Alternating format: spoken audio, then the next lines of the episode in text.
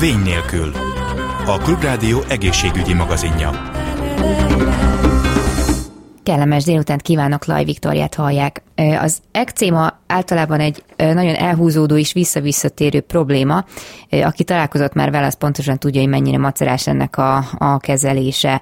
Ráadásul az ekcéma télen, ősszel és télen különösen problémás lehet. A kezelésbe egyébként a gyógyszereken kívül természetes anyagokkal is bele lehet szállni, illetve lehet, hogy érdemes már ezekkel kezdeni a terápiát. A részletekről beszélgetek dr. Budai Marianna szakgyógyszerésszel. Jó napot kívánok! Jó napot kívánok, köszöntöm a kedves hallgatókat. E, az ekcéma egy viszonylag gyakori probléma, tehát e, akár a patikába betérő betegeket nézzük, akár a mhm. bőrgyógyászhoz e, forduló betegeket, vagy a gyermekorvoshoz forduló szülőket, akik a gyermeküket viszik oda. Sajnos egy gyakori problémáról van szó, piros, viszket, csúnya, zavaró esztétikai megjelenést kölcsönöz, nedveddő lehet, ami miatt felülfertőződhet, tehát több szempontból is problémát okoz. Általában ráadásul egy hosszan tartó korképről van szó, amitől nem lehet egyszerűen szabadulni, hanem újra-újra fel-fellángolhat, tehát többször megkeserítheti az embernek az életét. Ez jelenti a legfőbb problémát vele kapcsolatban, és sajnos azt kell mondani, hogy nagyon sokak életét ez végig kíséri. Uh-huh.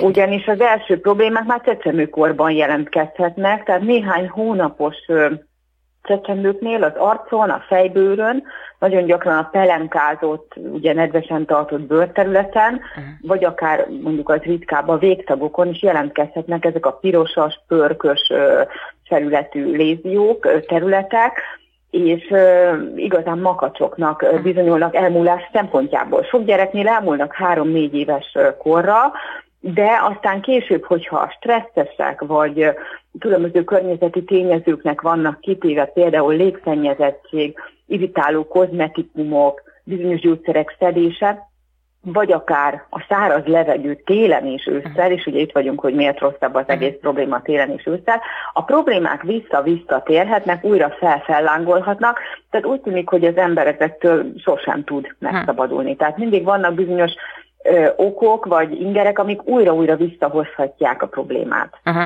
Tehát akkor igazából ez a baj a kezelésében, hogy a konkrétan a kiváltó, tehát hogy annyi minden váltja ki, hogy nem lehet megszüntetni ugye minden faktort, ami, ami, ami a problémát okozhatja?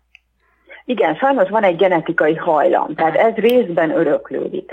És ez még nem jelenti azt, hogyha valakinek a szülei mondjuk ekcémások, akkor ő biztos, hogy az lesz, de sajnos nagyra az esélye, uh-huh. főleg, hogyha stresszes, főleg ha száraz a levegő, főleg ha olyan sampont, olyan kozmetikumot használ, tehát milliók felsorolható, ami mhm. aztán ezt előhozhatja. Uh-huh. Uh, hogyha valaki találkozik ezzel a problémával, mi itt az első lépés? Hogy milyen gyógyszerekkel kezdik el egyáltalán kezelni, hogyha gyógyszerekkel kezdik el kezelni? Tehát, hogy mi a, mi a protokoll ilyenkor? Igen, egyre inkább a úgymond durva gyógyszerek felé haladhatunk, ugyanis a legelső lépés az még nem is a gyógyszer kategóriát uh-huh. jelenti, hanem a legelső lépés az a kiváltó kerülését már, amennyiben az lehetséges. Tehát, hogyha például rájövünk, hogy valamelyik sampontól vörösödik ki rendszerint a homlokunkon a bőr, akkor azt, azt jó, hogyha kerüljük. Uh-huh. Vagy a lakásban télen például nem állt párásítani hogy 40-60 százalék között legyen a relatív páratartalom, akkor mm. kisebb az esélye például annak, hogy kiújulnak a panaszok. Tehát tenni kell az ellen, hogy kialakulhasson a probléma. Másik dolog pedig az, hogy legelőször vannak vény nélküli kenőcsök, mm. krémek, amik azért jó szolgálatot tehetnek, ezek sokszor gyógynövény alapúak, vagy van egy jó termékcsoport, az úgynevezett dermokozmetikumok, uh-huh ezek valahol a bőrgyógyászati termékek és a kozmetikumok határán vannak, de kizárólag patikákban vásárolhatók meg. Ezek általában mentesek tartósítószerektől, színezékektől, és köztük vannak olyanok, olyan dermokozmetikumok, amiket kifejezetten ekcémás betegek bőrének ápolására fejlesztettek ki. Tehát ilyennel is érdemes próbálkozni. Illetve hát van sok természetes megoldás is, amit érdemes bevetni azelőtt, mielőtt még szteroidokra kerül a sor, vagy például, hát most már a szteroidoknál vannak újabbak is, ugye immunszupresszáns szereket is alkalmaznak, vagy monoklonális antitesteket is, ha uh-huh. nagyon súlyos a helyzet. Uh-huh, uh-huh. Az lehet, felmerül az emberben, hogy hogyha már arról van szó, hogy száraz a bőrünk, és ettől van a probléma, hogy akkor megpróbálom áztatni a bőrömet, kvázi, hogy kívülről adjak neki hidratációt, de úgy tudom, hogy azért ez elég kontraproduktív, nem feltétlenül lesz ez jó, hogyha ezt csinálom. Igen, ez nagyon érdekes, tehát száraz a bőröm, akkor bevizezem, ülök uh-huh. a mhm. forró meleg vízben, na és pont ez az, ami baj lehet, ugyanis a forró vízben fürdés, ahogy mondta, kontraproduktív, tehát pont az ellenkező hatást váltja ki, még jobban kiszárítja a bőrt. Akinek kiszáradása esztimára hajlamos a bőre, annak rövid zuhanyozás javasolt csak, uh-huh. és meleg vízben, vagy langyosban, tehát ami úgy kellemes számára, de semmiképpen nem forró vízben. Uh-huh. Az, az ilyen különféle fürdőszós fürdőket, forró vizes fürdőket el kell felejteni ebben uh-huh. az esetben. És a különböző olajok, hogyha mondjuk ezeket teszem a fürdővízbe, az segít, vagy ezeket is inkább nem tudom, zuhanyozáskor érdemes használni, mint amit például teafaolajat, kókuszolajat mondják, hogy ez jó lehet ekcémára. A legjobb az, hogyha lezuhanyozik az illető, és a zuhanyzás követően megtörölközik kíméletesen, tehát nem dörzsöli meg azt a bőrterületet, ami érintett az ekcémában, és azt szokták mondani, hogy három percen belül kenje be valami ö, olajos megfelelő készítménnyel, illetve már a zuhanyozáshoz is használjon ö, kíméletes ö, olajos készítményt. Uh-huh. De ez elég egyébként? Hogy elmúl? Van, akinél igen, tehát kezdeti fázisban ez elég lehet, vagy ha a fellángolás nem durva, akkor ez elég lehet, uh-huh. illetve mondom azt, mint hogy egy műszerről lenne szó, uh-huh. karbantartáshoz elég lehet. Uh-huh. Tehát aki tudja, hogy már hajlamos a bőre, annak nem árt ezt a procedúrát, tehát ezt az olajos tusfürdés és tusfürdő, illetve zuhanyozás után három percen belül a megfelelő készítmény alkalmazása, nem árt, hogyha ezt a procedúrát rendszeresen végigcsinálja, akkor is, amikor épp nem akutak a tünetei. Uh-huh, uh-huh. Tehát megelőzés céljából. Ha akutak a tünetek, lehet, hogy ez már kevés, akkor viszont vényköteles szteroidokra van szükség. Ezek viszont már szájon át szedhető gyógyszerek? Nem, elsősorban helyileg alkalmazott szteroidokról van szó, sőt nagy részt helyileg alkalmazottakról, tehát kenőcökről, krémekről. Nappal általában krémeket rendel az orvos, mert az nem annyira fénylik, nem teszi annyira feltűnővé az eszémás bőrterületet, nem hagy a ruhán foltot, éjszakára szokott zsírosabb jellegű kenőcsöket felírni, szintén szteroidosakat. Uh-huh, uh-huh. De jól sejtem, ez gyulladás csökkentésre alkalmas, vagy a, tehát a teljes kezelésre, vagy a teljes probléma eltüntetésére jó lehet a gyógyszer, vagy ehhez még mindig kellenek azért más ö, ö, praktikák is, vagy ö, dolgok, hogy eltűnjön teljesen? A szteroidok azok erős gyulladás csökkentők, viszonylag erős gyulladás csökkentők, tehát viszonylag hamar, gyakorlatilag néhány napon belül eltüntetik a viszketést, a uh-huh. kivörösödést, azt a, azt a hőérzetet, amivel ez az egész jár. Tehát nagyon gyorsan javítanak a panaszokon, azt lehet mondani, de véglegesen nem tudják meggyógyítani a problémát. Uh-huh. Tehát véglegesen sose fog megszűnni, de rendkívül gyorsan és látványosan javítanak rajta. Arra viszont ügyelni kell, hogy szteroid tartalmú kenőcsöket egy adott bőrterületen, tehát ugyanazon bőrterületen, hosszú távon nem ajánlott használni. De általában nem is kell ez az érekcímánál, néhány napig használják, a segít, és akkor abba kell hagyni. Tehát megelőzésre azért nem valók a szteroidok, ugyanis a szteroidok hosszú távú használatának van egy kellemetlen mellékhatása, mégpedig az, hogy elvétmítják az adott bőrterületet. Uh-huh, uh-huh. Nem tudom, hogy mennyire, hogy mondjam, terápia hűek, vagy terápia követőek az emberek, pont azért, mert hogy egy hosszú, hosszadalmas folyamatról van szó, tehát hogyha valaki elkezdi ezt kezelni, mondjuk nem szteroid tartalmú szerekkel, de látja, hogy nem múlik el, nem olyan durva azért, hogy valami erősebb készítményt szedjen rá, de hát, hogy elhanyagolja ezek után merül fel a kérdés, hogy akkor az már ott marad, elkönyveli magának, hogy ő már akkor örök életében ekcémás bőrrel fog élni, vagy azért az emberek végigviszik ezt a folyamatot, amíg elmúlik. Ez eléggé változó, tehát van, aki nagyon odafigyel rá, főleg a gyerekeknél a szülők nagyon odafigyelnek, azt lehet mondani a csecsemőknél, gyerekeknél. A felnőttek már hajlamosabbak rá legyinteni, és ami még jellemző, hogy a szteroidos készítményektől nagyon óckodnak, félnek tőlük, tartanak tőlük, de azt hangsúlyoznám, hogyha a bőrre kenjük a szteroidot, annak nem fognak megjelenni olyan súlyos mellékhatásai, gondolok itt a csontritkulásra, a gyomorfekére, a holdvirágaltra, a bölénykupra. Tehát ezek nem fognak megjelenni, ha bőre kenjük, hiszen hát nem szájon átszedett gyógyszerekről van szó. Szájon átszedve vagy infúzióban kapva egész mások a szteroidoknak a mellékhatásai. Uh-huh. Tehát nyugodtan lehet használni szteroid tartalmú kenőcsöt, hogyha az orvos felírja, Egyébként az orvosokra is jellemző, hogy csak akkor írják fel, ha tényleg szükséges. Tehát manapság ma azért nem dobálóznak a szteroidokkal az orvosok. Uh-huh. Egyébként, hogyha még itt az ártalom csökkentésről vagy elkerülésről beszélünk, akkor mondjuk a ruházattal tudunk-e tenni, tehát hogy olyan anyagút vegyünk fel, ami mondjuk kímélő begyek cémes száraz bőrrel kapcsolatban, vagy lehet-e ilyenről egyáltalán beszélni, hogy van ilyen? Van igen, tehát amit bebizonyítottak, hogy a gyapjú ruházat az például ronthat a panaszokon. Tehát Aha. aki a hajlamos, az, az gyapjút ne viselje, mert az irritálhatja, előhozhatja a panaszokat. Aztán volt egy időszak pár évvel ezelőtt, amikor olyan ö, ö, nagy híre volt a, a sejem ruházatnak, tehát a sejemben megelőzhető, kezelhető az eczéma. Aztán voltak nagyobb klinikai vizsgálatok több száz eczémás beteg bevonásával, és bebizonyosodott, hogy sajnos nem. Tehát nem ron, nem javít a tüneteken a sejem, tehát gyakorlatilag hordható, de nem túl kényelmes viselet, nem túl meleg, viszonylag drága, tehát azt mondják, hogy felesleges azért ruhát venni valakinek, aki eszémás. A legjobb, amit tehet, egy jól szellőző pamutruha, uh-huh. amit felvesz, ami nem illeszkedik túl szorosan az adott bőrterülethez, nem dörzsöli, nem súrolja azt, tehát védi attól, hogy azok a pörkös léziók lejöjjenek róla, ugyanis akkor az a veszély, hogy felülfertőződik baktériumokkal, gombákkal, és akkor már dupla bajjal állunk szemben. Uh-huh. Meg gondolom ezt az is tovább ronthatja, hogyha nekiállunk vakarni, és azzal nem tudom enyhíteni az ott érzett tüneteket.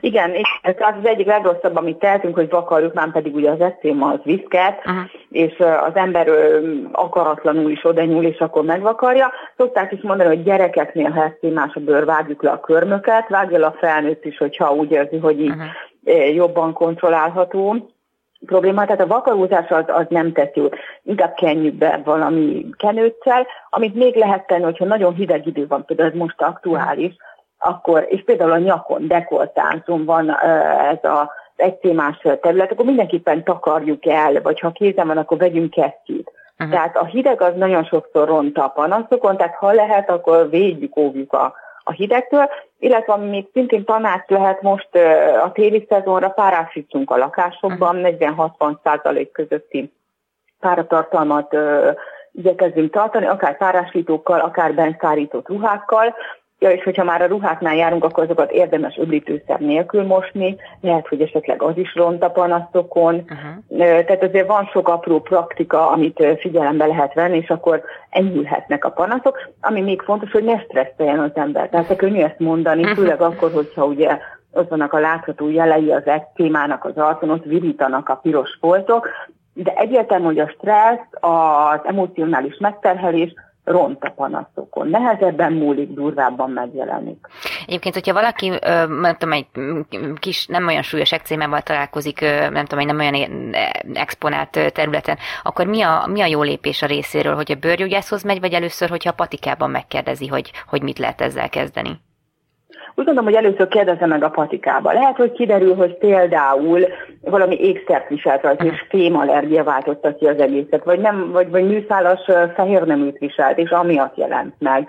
Tehát egy csomóka lehet ennek, először érdemes a patikába, pár nap alatt kiderül, vagy pár hét alatt, hogy, hogy az a módszer, az a dermokozmetikum, az a kenőcs, az a, tegyük fel aloe hogy bármilyen készítmény hatásos-e, uh-huh. ha nem, akkor jó, hogyha bőrgyógyászhoz fordul. Uh-huh.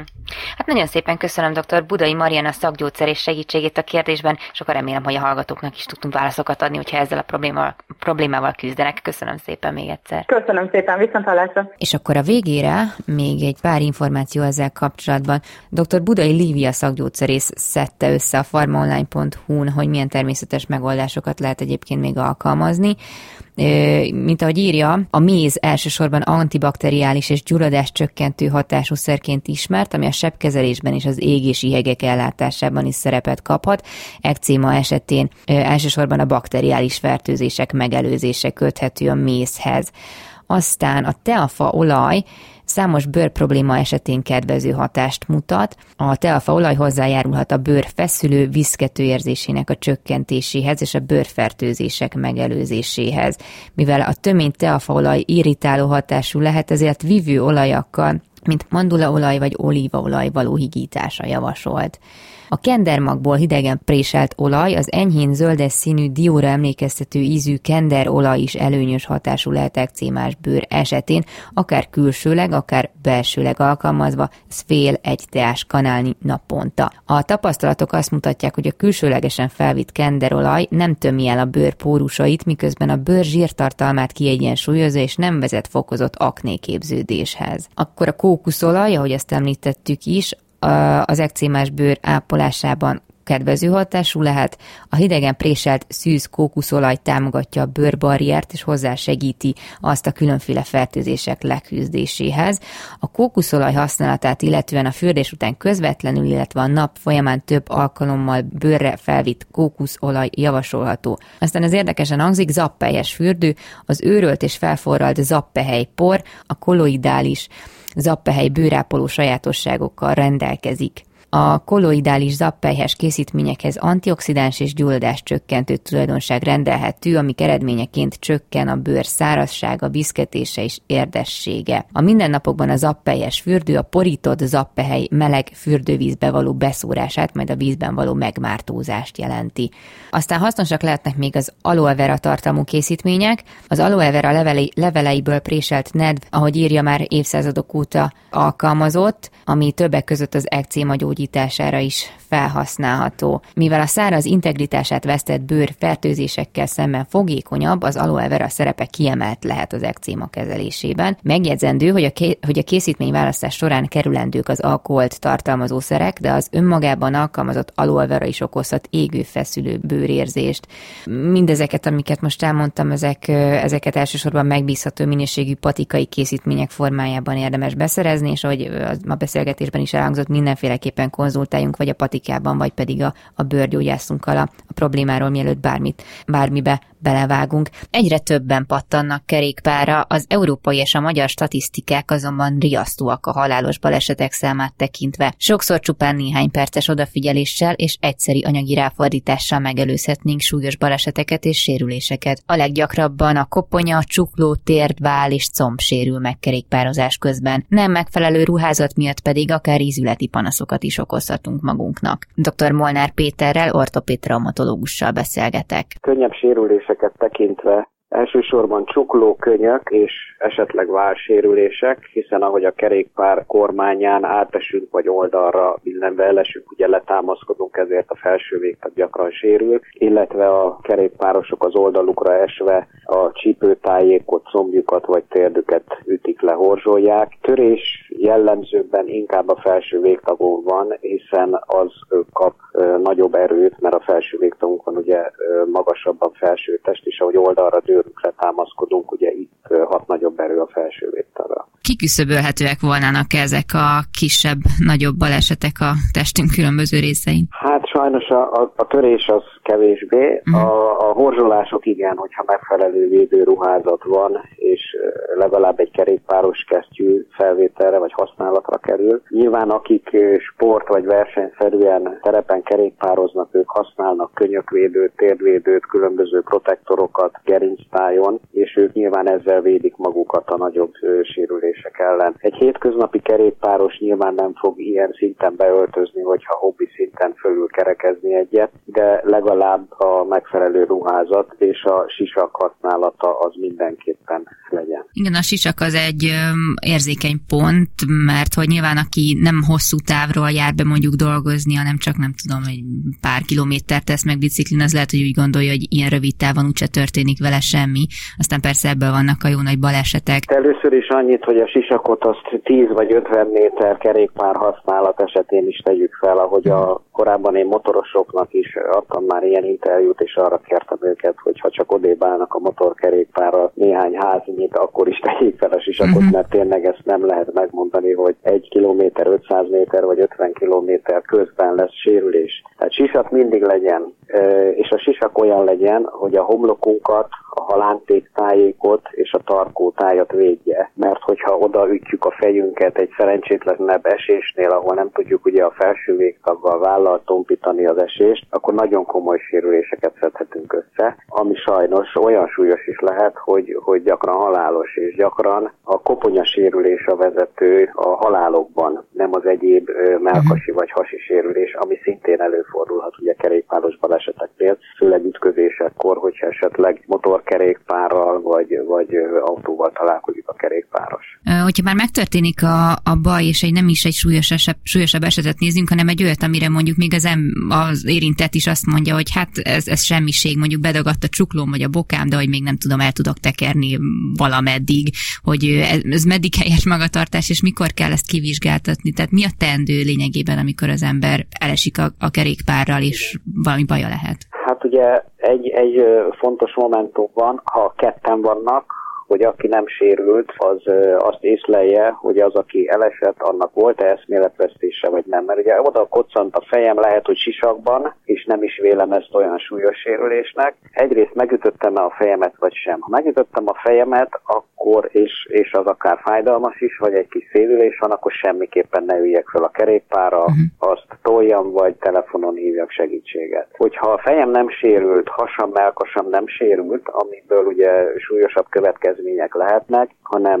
horzsolások vannak, nem látok nagy deformitást, esetleg egy-egy izületem kicsit beduzzadt, akkor nyilván fájdalomhatártól, illetve a legközelebbi segítségnyújtó helytől függően mérlegelendő, hogy, hogy felülhetek a kerékpára és tovább mehetek. A kerékpár az pont az a sporteszköz, amit általában mindenkinek szoktak ajánlani, mert hogy nem terheli meg annyira az izületeket, de kárt okozhatunk, hogyha nem jól van mondjuk beállítva az a bicikli, rossz cipőben tekerünk, stb. Lehet ebből később panaszunk? Igen, tehát egy nem megfelelően kiválasztott vázú kerékpár, ahol ugye a, a lényeg a kormány és az üléstávolság és annak az állítási ö, határértékei, hogyha ezek nem megfelelőek, tehát mondjuk nagyon ö, előre kell dőlnünk, nagyon távol van a kormány, tehát nagyobb méretű kerékpárt választottunk, mint a végtaghosszunk, testalkatunk, uh-huh. testmagasságunk, akkor lehet egy csuklóvál fájdalom, illetve nagyon előre dőlés miatt a nyakam is fájhat, mert uh-huh. nagyon meg kell emelni a, az arcomat, fejemet ahhoz, hogy előre tekintsek. Fordított esetben, ha kisebb méretű választok, akkor pedig ugye az ülésre nehezedik több súly,